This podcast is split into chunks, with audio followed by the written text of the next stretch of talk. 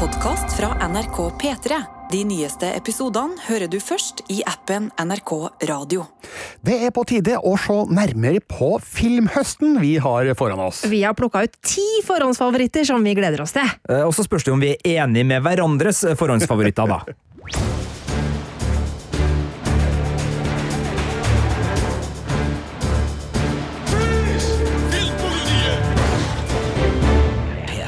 Her sitter Birger Vestmo, Marte Hedenstad. Og Sigurd Vik. og vi har gitt oss litt av en oppgave i dag, nemlig å komme med den hele og fulle oversikten over høstens filmer, både på kino og strømmetjenester. Og det er vel sånn rundt regna ja, 400 filmer!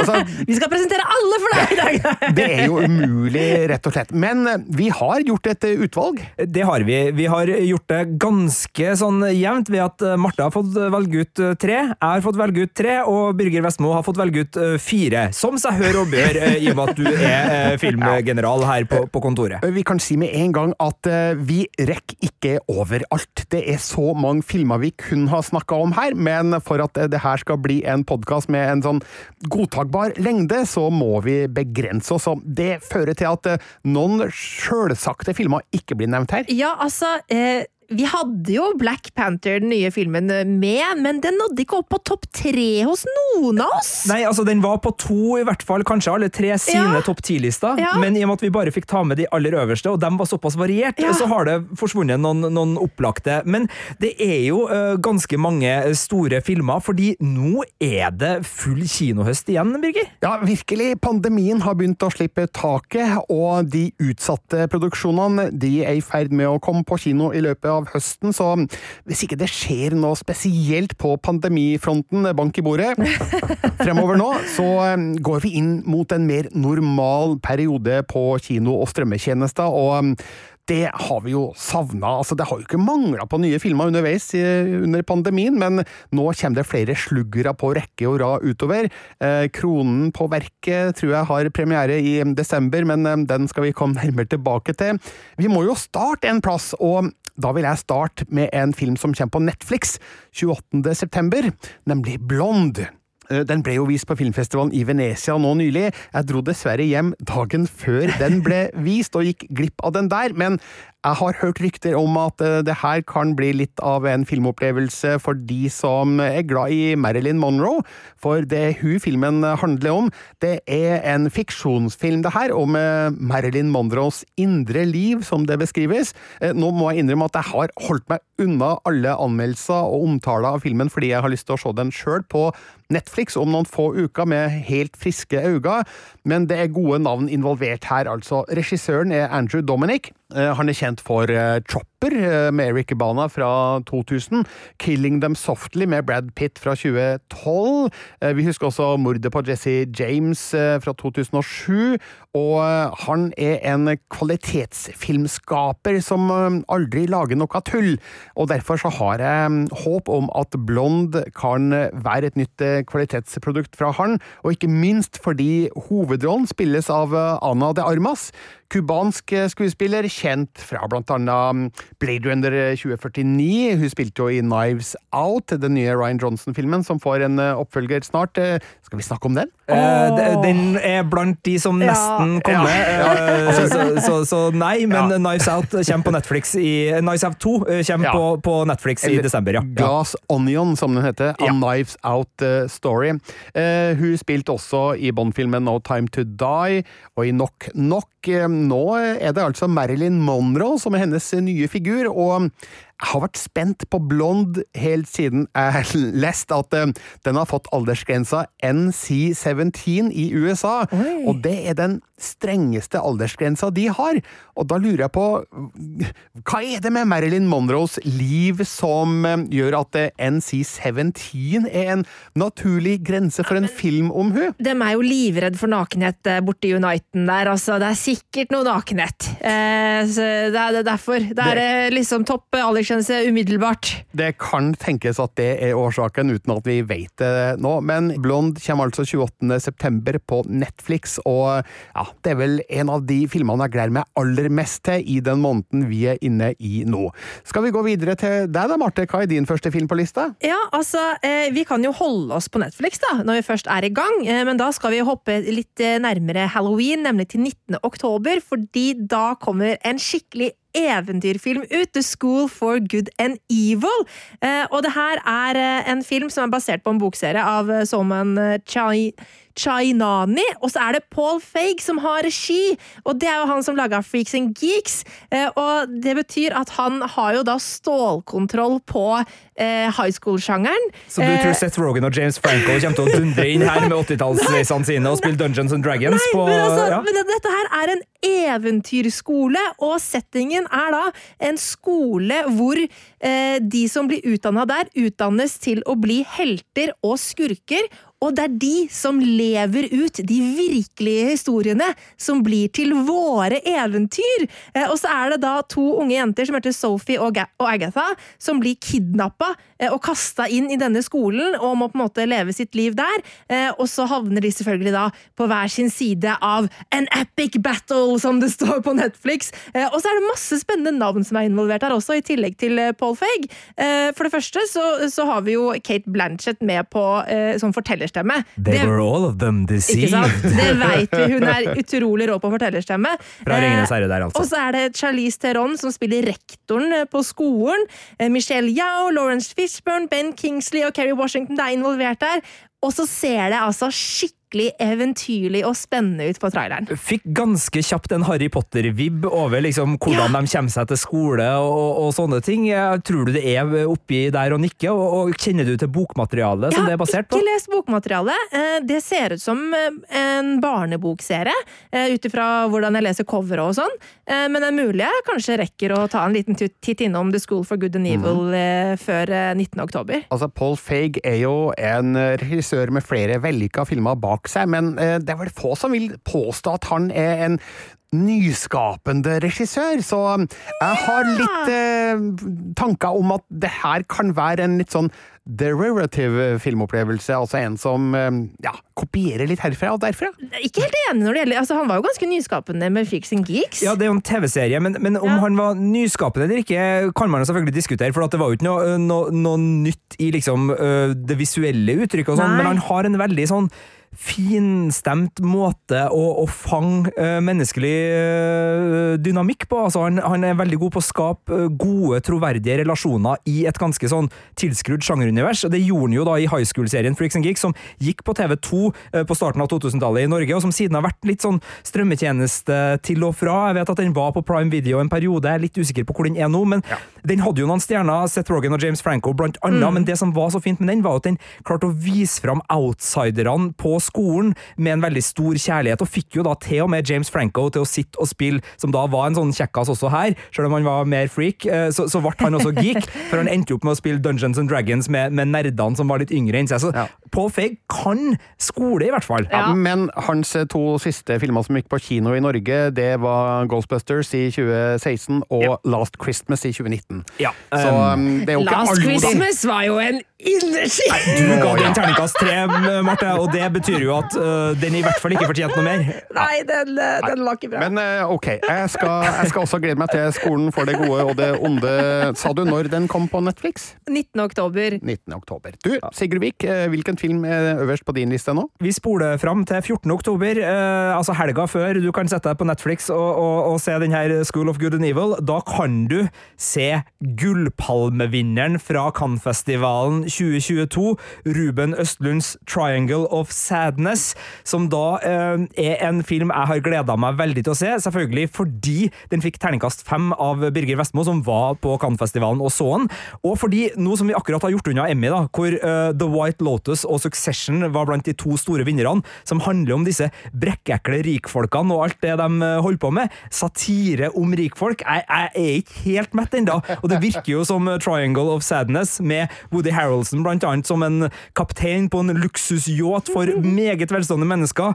Eh, Jeg har bare sett traileren, og jeg gleder meg. Det ser grotesk ut, det ser vittig ut, det ser satirisk ut, Ja. og Ruben Østlund har jo vist at han kan å avkle og blottstille uh, sider ved oss mennesker. Definitivt, og det gjør han også i Triangle of Sadness. Jeg brukte overskrifta 'Tvinger publikum ut av komfortsonen' i anmeldelsen fra mai i år, og han gjør absolutt det i filmen, i store deler i hvert fall. Nå eh, skal det sies at ikke alle er like begeistra for Triangle of Sadness, har jeg lagt merke til. Jeg har hatt mange diskusjoner med andre filmkritikere om den, og eh, et av eh, poengene til andre er at satiren er for tydelig. Den er overdreven, og en del virkemidler som er av det groteske slaget, eh, Jeg ser en del kroppsvæsker på Ja. traileren, ja. eh, er også sterkt overdrevet, men jeg må si at jeg bare lo skikkelig mye og lenge av Triangle of Sadness.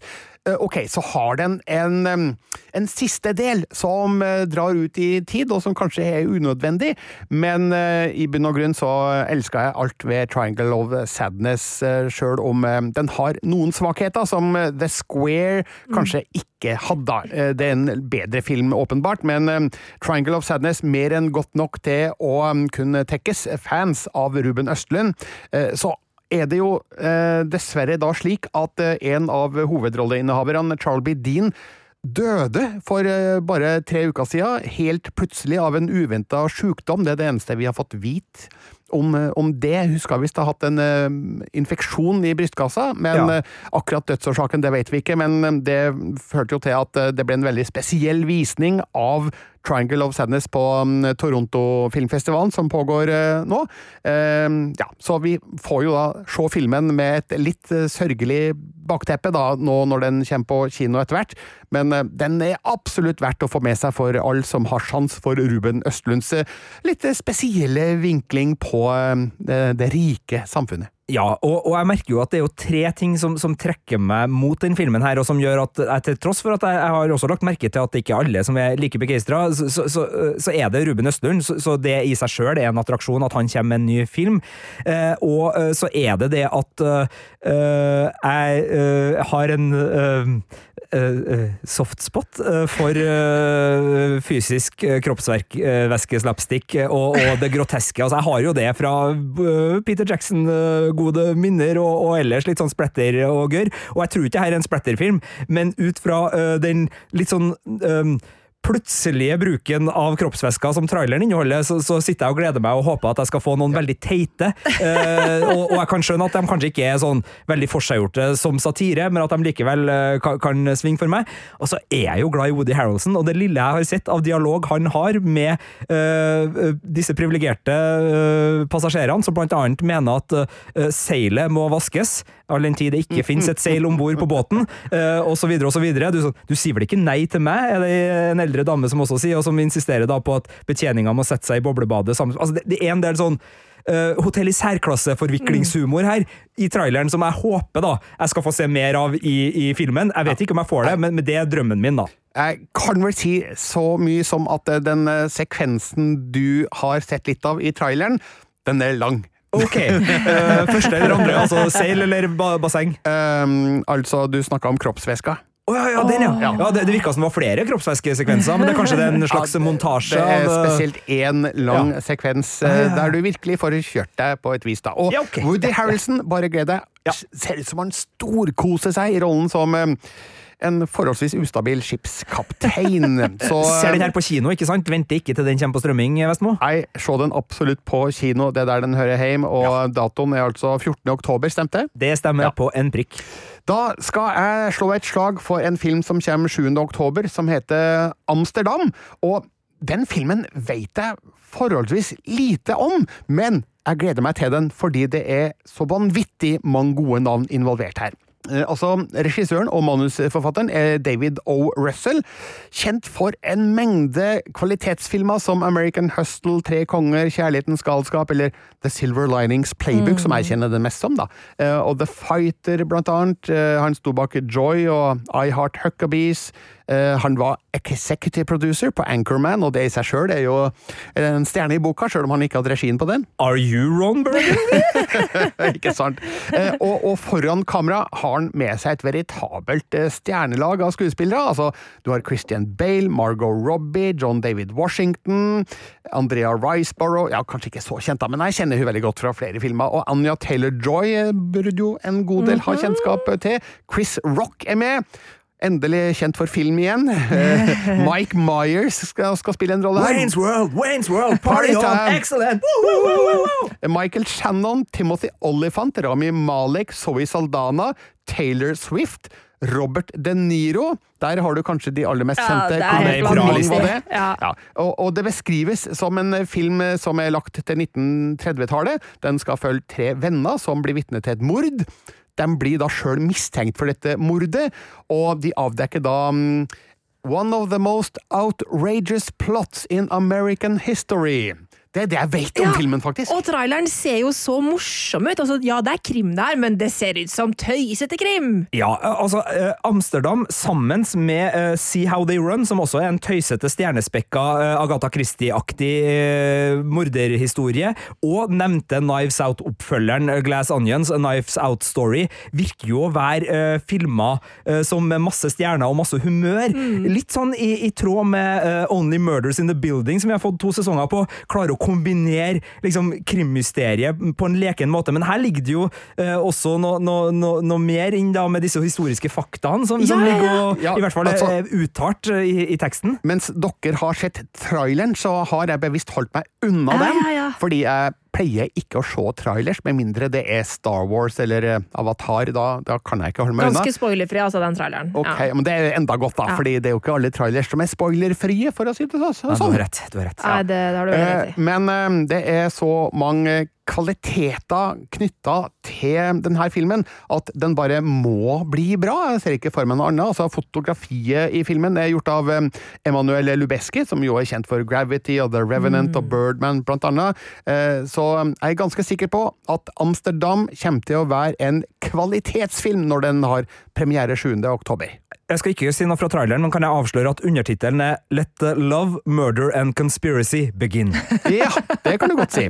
Altså, jeg har vel mine tvil om at det her er uh, tufta på noe fra virkelighetens verden, eller? Ja, det, det, det, står med at noen ja. ting skal visstnok være sanne. og at Flette skal, sammen fiksjon ja. og historiske fakta, står det her. Eh, mye av dette skjedde faktisk, utropstegn. Uh, det er fra Filmweb, det leses. Uh, Men hva, hvor hardt vi kan stole på det, er jeg usikker på. Jeg tipper at det, her er en type film som kommer til å ha sånn tekstplakat i starten, hvor det står sånn derre Disse utrolige hendelsene har faktisk en liten rot i virkeligheten! Det, det befinner seg midt i et av de mest sjokkerende sammensvergelsene i amerikansk historie. Eh, så du kan ha rett, Barte. Det vil nok komme noen tekstplakater muligens der. Kan også nevne at Christian Bale, som altså spiller hovedrollen, han er også en av filmens produsenter, og han har jo samarbeida med David og Russell før på The Fighter og American Hustle, så eh, mange gode busser som er med bak kameraet her. Og hvis du planlegger høstens bart, så ser jeg at både Christian Bale og Rami Malek fronter ganske stilige mustasjer i denne filmen, så det kan jo være også til inspirasjon for ja, de som tenker ansiktshår. Den kommer jo i oktober, er, ikke, er, det ikke sånn, hva heter det der? November du tenker på?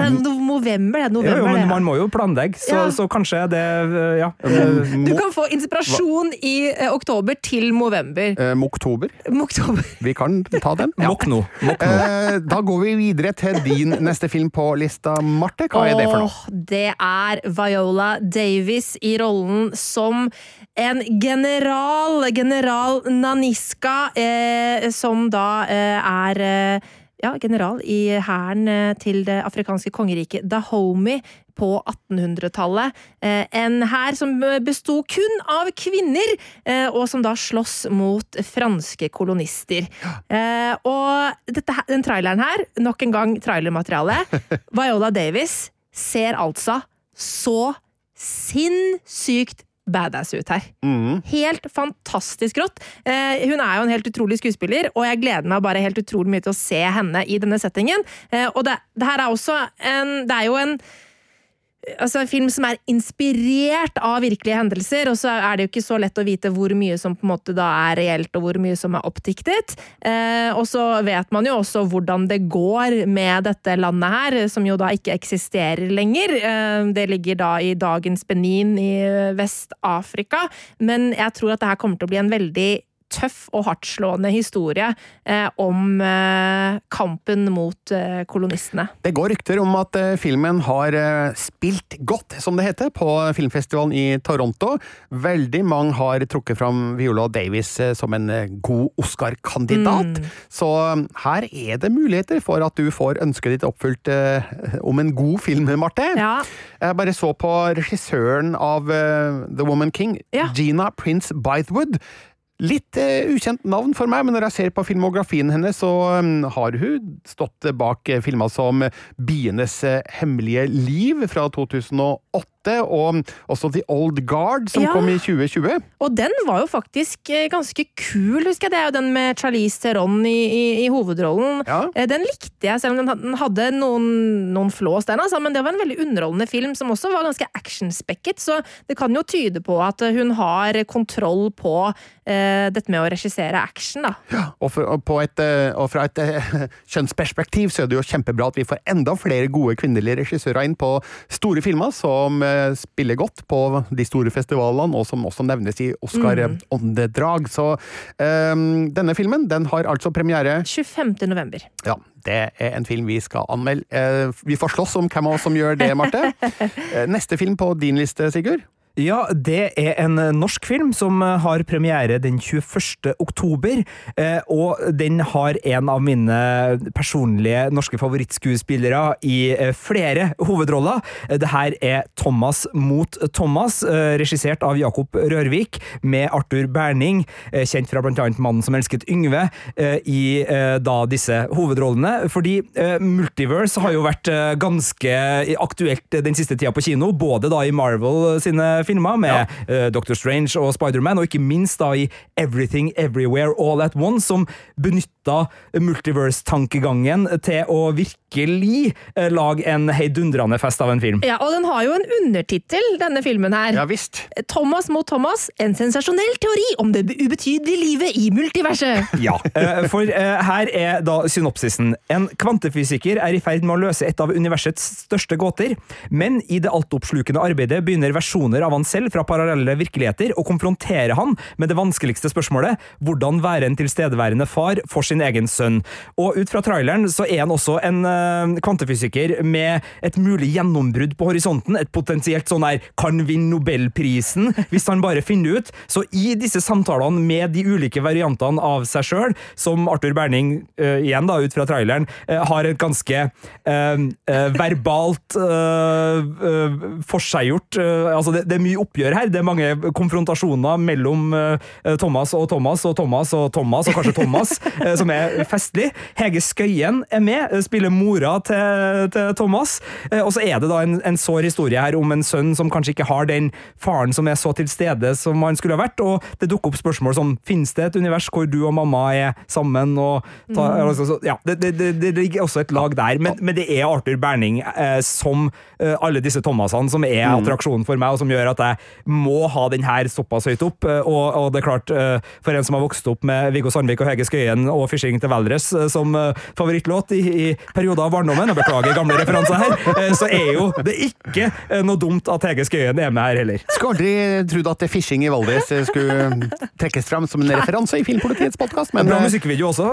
Ikke sant? Og så blir det spennende da å se Jakob Rørvik, som er debuterende på regi ja. og manus Ja. i spillefilmsammenheng. Han har jo laga flere kortfilmer, blant annet eh, Nothing Ever Really Ends, som også hadde Arthur Berning i hovedrollen. Så de har eh, tydeligvis funnet tonen, og så skal det bli spennende da å se om eh, Thomas mot Thomas, en sensasjonell teori om det ubetydelige livet i multiverset. Skal vi bare si Thomas mot Thomas heretter? Nei, jeg syns ikke. Nei, ja da, vi, vi sier Thomas mot Thomas. Det skal bli spennende å se, å se om Thomas eh, mot Thomas eh, innfrir når den får premiere, og du sa at det var 21. oktober kommer den på kino. Ja.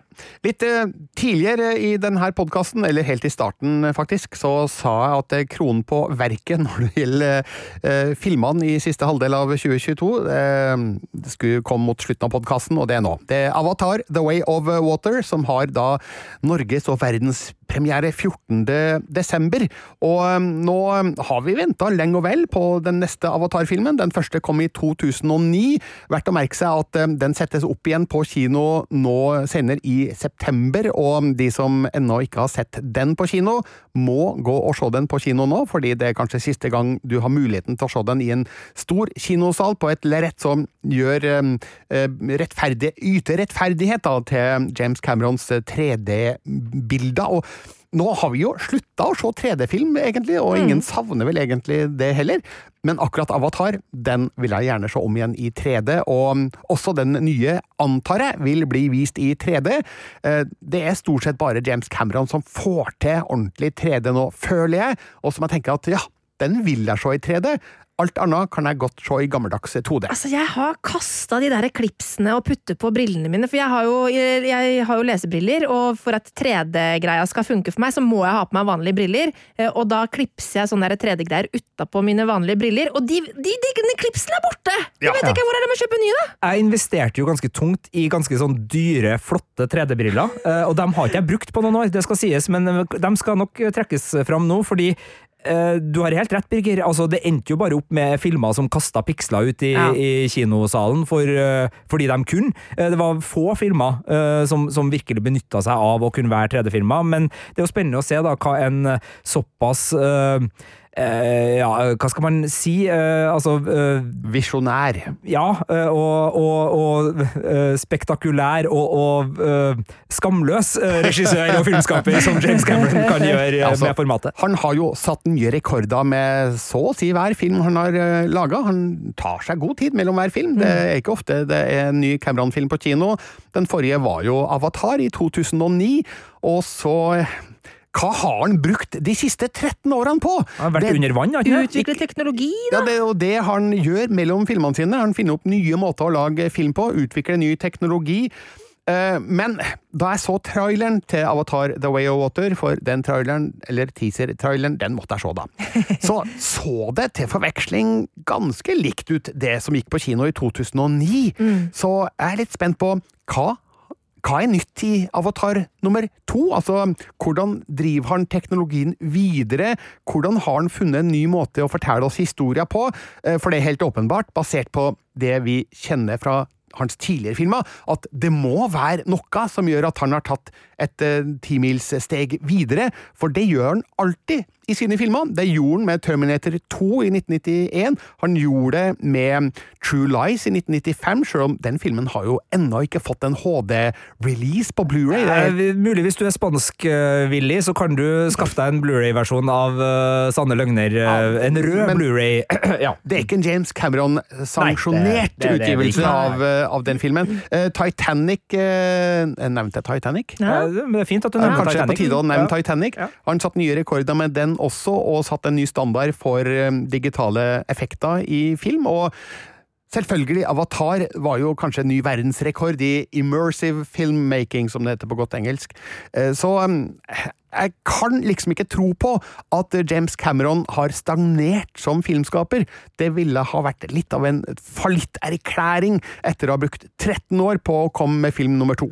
Han har jo gjort ting i mellomtida, blant annet da, den 21. september, som er ganske snart, så kommer jo serien Supernatural på Disney+, Pluss, som er James Cameron sin produksjon, hvor Benedict Cumberbatch er fortellerstamme, men det er jo en naturdokumentar da, uh, visstnok skal være ganske spektakulær, så han har sikkert holdt på med hobbyene sine, ikke å farte rundt i sånn ubåt og sånn liten ubåt på... Hvem i hu ville huleste helvete er det som setter Benedict Cumberbatch eh, på Penguin. naturdokumentar igjen? Penguin! Penguin! Penguins! Ja. Nei, eh, James Cameron. Visjonæren James Cameron. setter Benedict Cumberbatch til å eh, være fortellerstemme på eh, Supernatural, som har premiere 21. september på Disney+. Når det gjelder Avatar The Way of Water, så vet vi ganske lite om handlinga i filmen, men et lite kort eh, resymé ligger ut på filmweb.no. Der står det, jeg bare leser rett opp, jeg. Mer enn et tiår etter hendelsene i den første filmen, forteller Avatar The Way of Water historien om Sully-familien, Jake, Neytiri og deres barn, om tragediene som følger dem, og hvor langt de må gå for å beskytte hverandre for å holde seg i live Og ja, det var jo en veldig generelt resymé, men um, i hvert fall så har jeg skjønt såpass at Sigourney Weaver, som jo spilte en um, viktig rolle i den første filmen, uh, hun spiller da en av barna i den nye, og det er jo sånn som går an da med den teknologien som James Cameron bruker. Uh, vi får vel trolig ikke se Sigourney Weaver som seg sjøl i filmen, men da hennes digitale utgave uh, med blå hud, vil jeg anta. Så ellers, Sam Worthington er tilbake, det samme er Zoe Saldana. Stephen Lang står også på rollelista, sjøl om vet ikke, døde ikke hans figur i den forrige filmen? Cliff Curtis er med. Idi Falco, Jermaine Clement, Giovanni Ribisi og Kate Winslet, så det, blir, det er stjernetungt, og det blir forhåpentligvis det store høydepunktet, eller ett av de store høydepunktene i desember, for jeg har et til som jeg kommer tilbake til. 14. desember er altså datoen for Avatar The Way of Water. Nå, Marte Hedenstad. Ja, altså Jeg elsker jo å bruke desember på å se trivelige og koselige ting. Eh, og på Netflix eh, i desember så kommer det noe som ser veldig koselig ut, nemlig Roald Dahls Matilda the Musical. Eh, og denne musikalen den er jo noe som du kan se på West End i London, laga av Dennis Kelly og med musikk av Tim Minchin. Og det er en musikal jeg har hatt så lyst til å se, fordi den får så utrolig god kritikk, og alle som har sett den, sier at den er så fantastisk. Og nå så kommer den altså på Netflix, hvor det er Emma Thompson som spiller Miss Trunchbull, denne forferdelige rektoren som jo egentlig er en ja, eh, barnemishandler. Eh, og så er det Lashana Lynch, altså kjent fra Captain Marvel og No Time To Die, blant annet, som spiller Miss Honey. Og så er det da et uh, nytt talent, uh, Alicia Weir, som er Matilda. Og traileren for det her ser så herlig ut. masse flinke barneskuespillere, masse fin musikk, masse artig eventyr, rett og slett. og jeg gleder meg bare så mye kan jeg bare skyte inn at eh, Matilda-musikalen går på Folketeatret i Oslo ja, det stemmer. Ak akkurat nå. Ja, det, Kanskje jeg rett og slett må ta meg en tur sørover? Det spørs om du må det. ja, da, altså, da vil du jo ødelegge altså, Da vet du jo hva som skjer i filmen. jeg har sett den andre filmen eh, som kom eh, når var det på 90-tallet en gang, og så har jeg òg lest boka, så jeg vet jo hva som skjer i filmen. Men jeg gleder meg til å, å få se det i, i, denne musikaloppsetningen. Og det som jeg har sett på Netflix, det ser, det ser jo veldig, veldig kult ut, så jeg jeg har trua på at dette her kan bli en skikkelig koselig julefilm. Eh, det står bare at Netflix eh, liksom The Holidays this season, så jeg har ikke satt noe konkret dato ennå, men jeg tipper nok det blir kanskje i romjula. Ja, og da slår du fast at høsten varer helt fram til nyttår? Altså høstsesongen eh, Sesongen varer, ja. Det er helt riktig. Så vidt jeg husker, så er det eh, september, oktober og november som er høstmåneder. Ja, da, da får du Desember, januar, februar, av, vinter. Mars, april, mai, vår, juni, juli, august, ja, men dette sommer. Er season, altså sesongen. Eh, vi har jo valgt ut eh, til ja, du, Hvorfor? Jeg, jeg du krangla ikke på Birger! Som nettopp har hatt en desember! Nei, han, han, han, han, skal til desember. Han tør ikke. Nei, ved Avatar er det desember! Ja, vi har ikke sagt og, og at vi skulle snakke om høstens filmer uh, per se, heter men Heter ikke denne podkasten uh, 'Ti filmer vi gleder oss til i høst'? jo, men høstsesongen! Ja. Ikke vær så vanskelig! Nei, Nei grunnen til at jeg ikke Semesteret! Ja, grunnen til at jeg ikke tok det på Birger, var at overgangen fra din film til min film er et skifte fra en vinterfeiring til en høstfeiring. For jeg skal nemlig til halloween. Ja. så jeg skal en måned tidligere, da, men du har helt rett. Vi har åpna for at det er ut uh, høstsesongen. Ja. Skal du til Halloween Ends, den siste i Halloween-sagaen? Jeg var overraska over at du ikke hadde med den, egentlig. Fordi du elsker jo Halloween-filmene, og selv om de har drevet og tukla noe voldsomt med tidslinja og, og restarta den ganske brutalt uh, nylig, så, så, er jo det slutten på en trilogi. Vil du si to ord om Halloween Ends før vi går videre til den uh, filmen jeg har? Ja, altså ikke, ikke annet enn at jeg har vært veldig overraska over kvalitetsnivået på de to første Halloween-filmene i denne runden. altså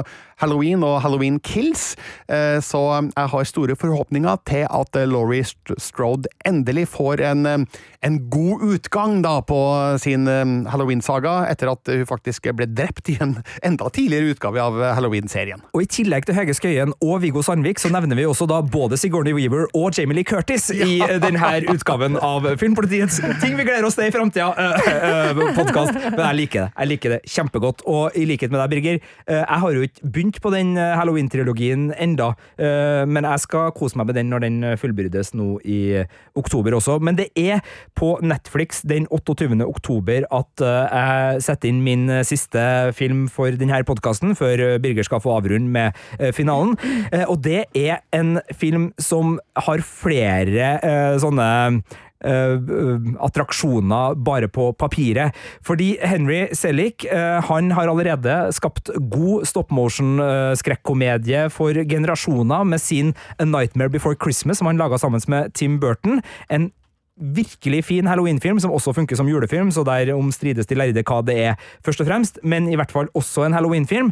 Og uh, Wendell and Wild, som da kommer på Netflix den 28. oktober, er nok en stop motion uh, horror comedy-film, uh, regissert av Henry Selick, men her er også Jordan Peel, kjent fra Get Out, og nå da på, på kino Nope og Us, og ikke minst komikerduoen Kay and Peel, med å, å skrive screenplay sammen med Selick, og så er det her basert på ei bok som ikke er publisert ennå, eh, som heter Wendell and Wild, som Henry Sellick og Clay, uh, Clay McLeod Chapman har skrevet sammen.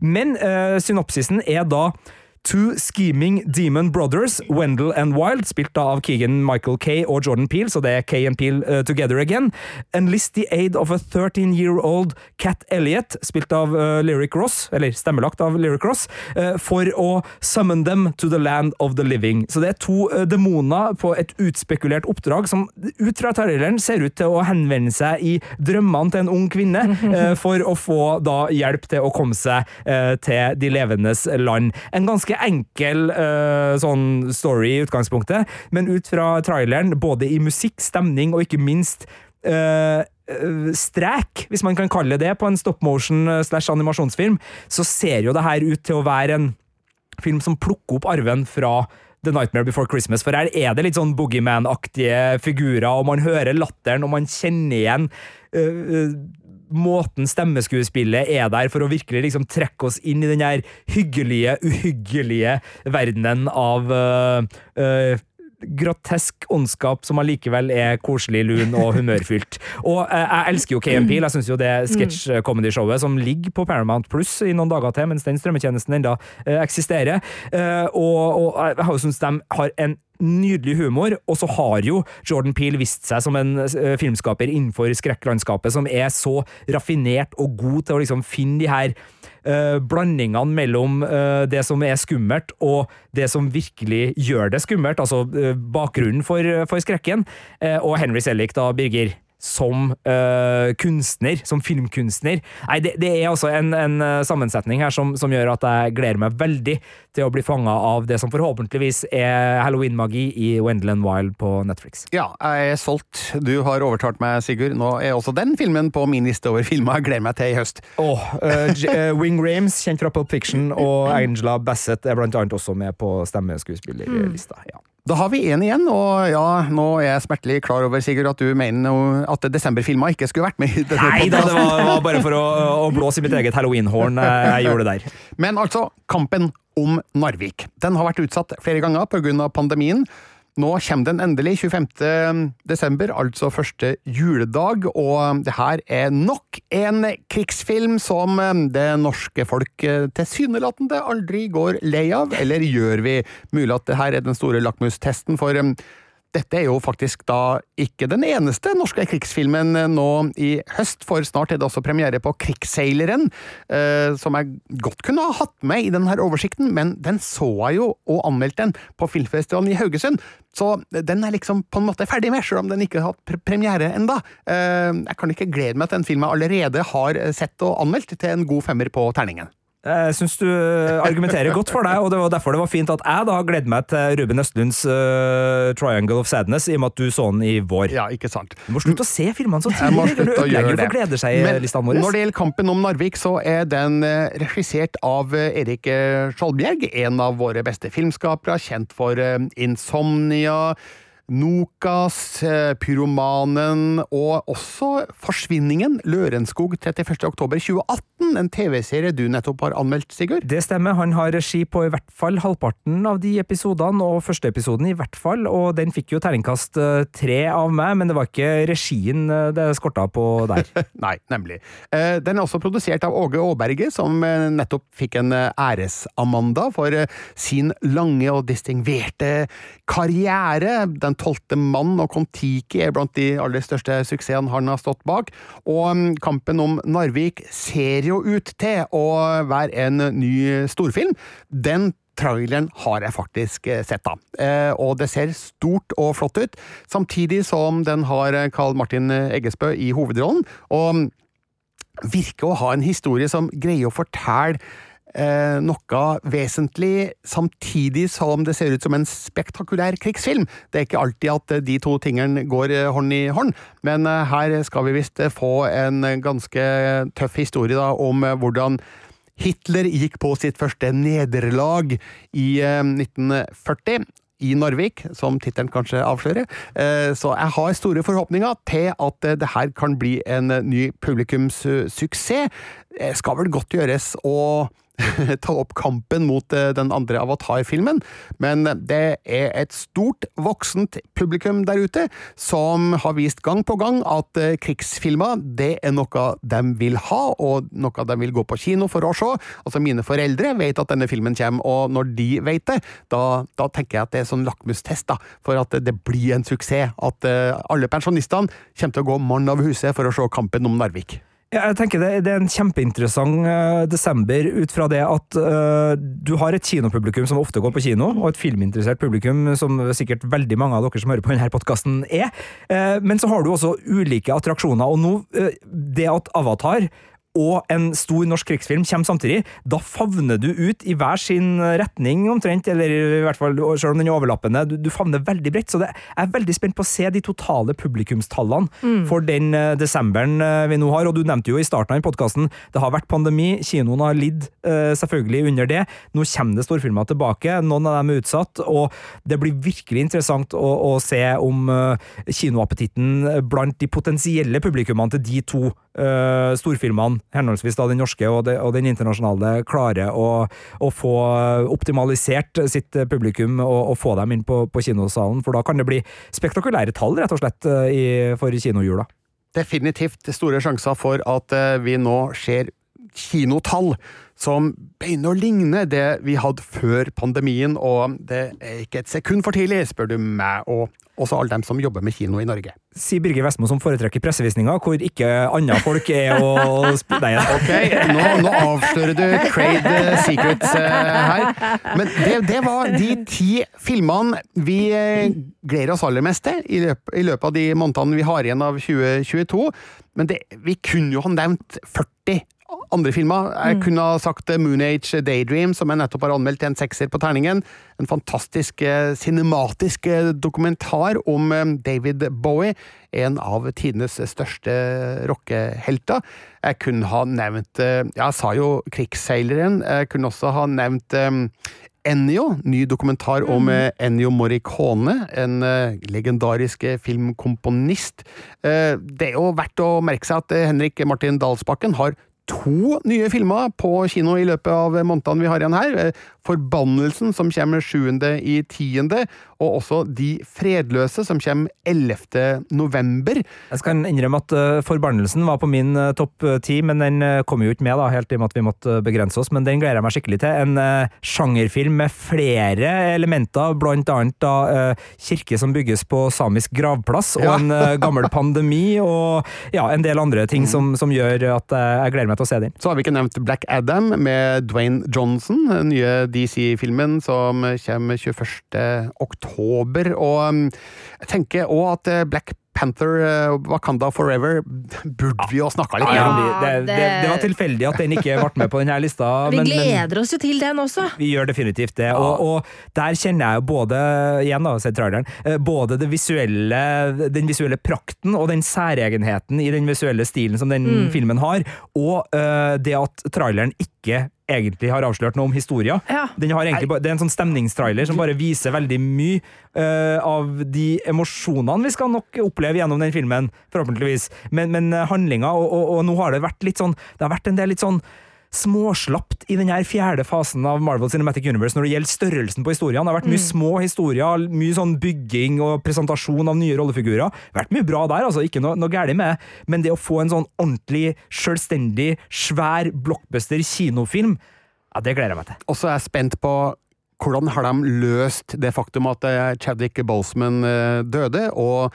hva skjer med T'Challa? Hvordan eh, skriver de han ut av historien? Eh, Har han allerede dødd offscreen før denne historien starter, eller ja, har de tatt i bruk gamle opptak og triksa rundt i Han er nå blå, og James Cameron har frigitt alle avatarmulighetene, så det der blir eh, ikke noe problem. Nei da, uff. Uh, nei, det, det blir spennende Ja. å se hvordan de har eh, løst den biten. Også verdt å merke seg at uh, den første norske varulvfilmen kommer i høst. 18. november, da er det premiere på Vikingulven av Stig Svendsen, med Ellie Müller Osborn i hovedrollen. Eh, spent på effektene der, altså. Har de gått eh, old school practical effects, eller eh, er det CGI som det satses på? Spent på det, og så um, Og så må vi jo si én ting til. Når jeg snakka om den her desemberjula, Birger, Ja. så nevnte jeg jo ikke Kardemomme by. Nei, det eh, som eh, kanskje da vil sørge for at også barnepublikummet og familiene flokker seg til kinoen. Ja, og jeg må nevne en film til, som jeg også så i Cannes, og som jeg dermed ikke gleder meg til, men det bør alle andre, nemlig Close. Den kommer også første juledag. Eh, en av de sterkeste filmene jeg har sett på veldig, veldig lenge. Eh, grining eh, må Man må være forberedt på grining i salen, folkens. Eh, det handler om to 13 år gamle gutter der vennskapet plutselig stopper opp eh, av grunner som den ene ikke forstår noe av, og som får noen eh, fatale konsekvenser etter hvert. Så eh, Close, altså. Belgisk eh, film, eller fransk-belgisk-nederlandsk. Ja. Det er den fulle nasjonaliteten da til Close, regissert Den Nei, Lux. Nei, det var et annet land, det. ja, Luxembourg er ikke med her. Eh, regissert av Lucas Dont. Så ja, nei, filmhøsten, den er lang. Den er innholdsrik og forhåpentligvis full av store opplevelser, både på kino og hos eh, strømmetjenestene. Og så håper vi da at du nå som har hørt den her, eh, kan merke deg noen datoer, sånn at du ikke planlegger for fullt da med andre ting. Eh, Og det gjelder jo også den seriepodkasten som allerede ligger ute, hvor de seriene vi gleder oss til. For det er jo viktig at man ikke sånn plutselig oppdager å, den kommer i helga, men da har jeg allerede lovt meg bort til prikk, prikk, prikk. Nei, du må verne om helgene dine litt framover nå. Pass på at eh, kvelder og, og fridager kan brukes til å nyte disse filmene optimalt. Det tenker nå i hvert fall jeg. Skal vi òg slå et slag for den andre podkasten vi har på gang?